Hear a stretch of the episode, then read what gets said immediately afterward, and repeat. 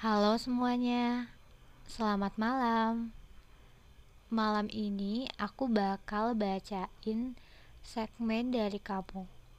Sebenarnya udah ada beberapa email yang masuk sih, tapi aku udah milih satu cerita yang akan aku bacai di segmen dari kamu untuk episode pertama.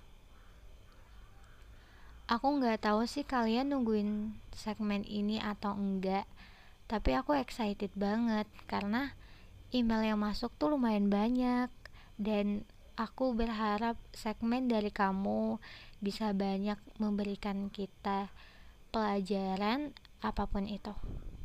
Ya udah, kita bacai langsung ya. Assalamualaikum Kashin, panggil aja aku Cika. Sebenarnya kita dulu pernah ketemu, walaupun virtual.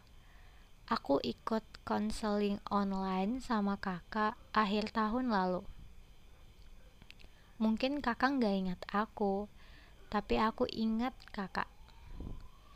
Semenjak keluargaku terlilit banyak hutang dan orang tuaku yang selalu bertengkar di rumah, Aku gak punya tempat buat aku bernafas, Kak.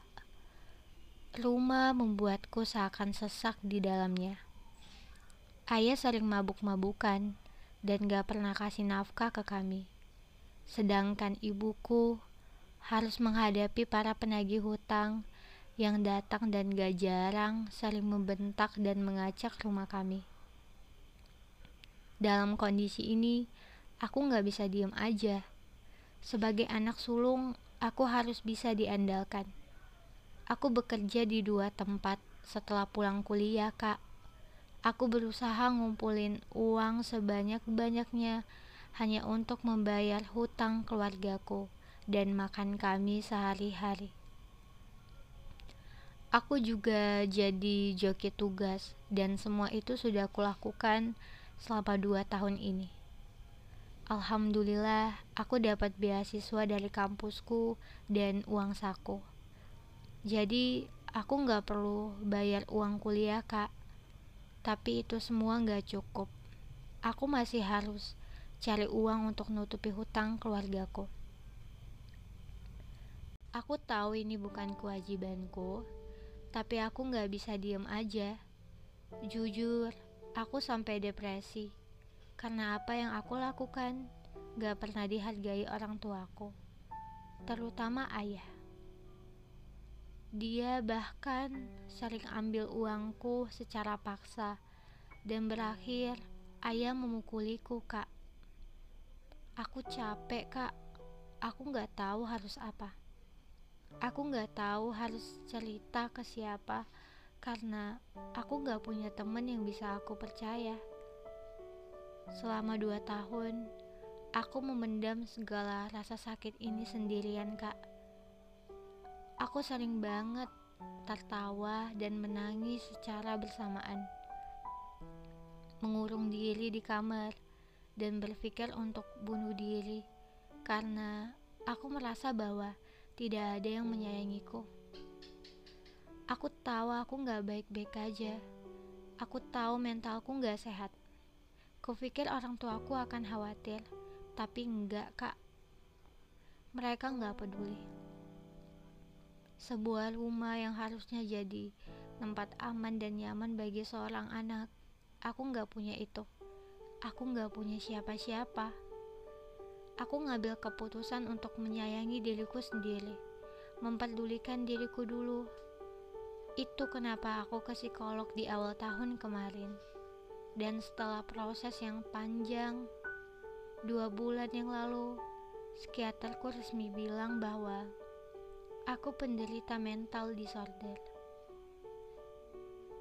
Sungguh kepahitan hidup yang gak pernah aku bayangin. Tapi aku gak apa-apa kak, aku jauh lebih baik sekarang dan masih dalam masa pemulihan. Aku tahu seumur hidup aku harus terus terapi dan minum obat. Seperti katamu, bahwa hal baik gak selalu berpihak sama kita. tapi kita harus tetap berjalan di atas jalan kebaikan.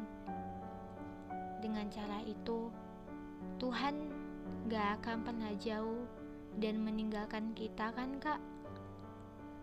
Ucapanmu waktu itu aku sangat ingat dan akan selalu kuingat selalu. Maaf kalau cerita ini kepanjangan, Kak. Dan terima kasih kalau cerita ini dibacakan. Sehat selalu ya, Kak. Aku tahu bahwa kita nggak bisa milih untuk terlahir dari keluarga yang seperti apa dan orang tua yang seperti apa. Itu nggak akan pernah bisa. Tapi di sini kamu survive sama keadaan kamu yang aku tahu ini gak mudah.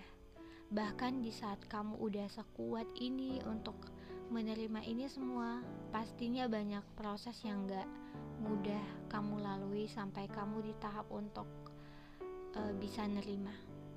Aku bangga banget sama kamu Cika karena kamu mencoba untuk nerima itu semua.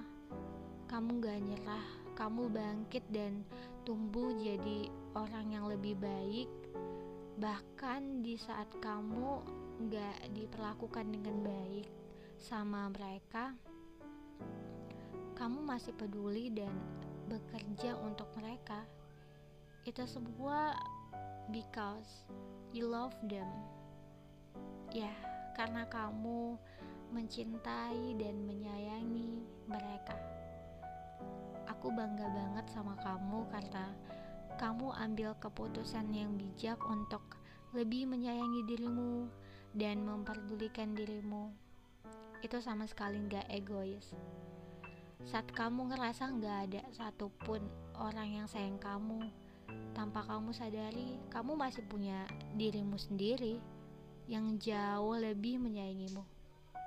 Tapi kadang kita nggak sadar ya sama hal itu. Mungkin aku pun begitu.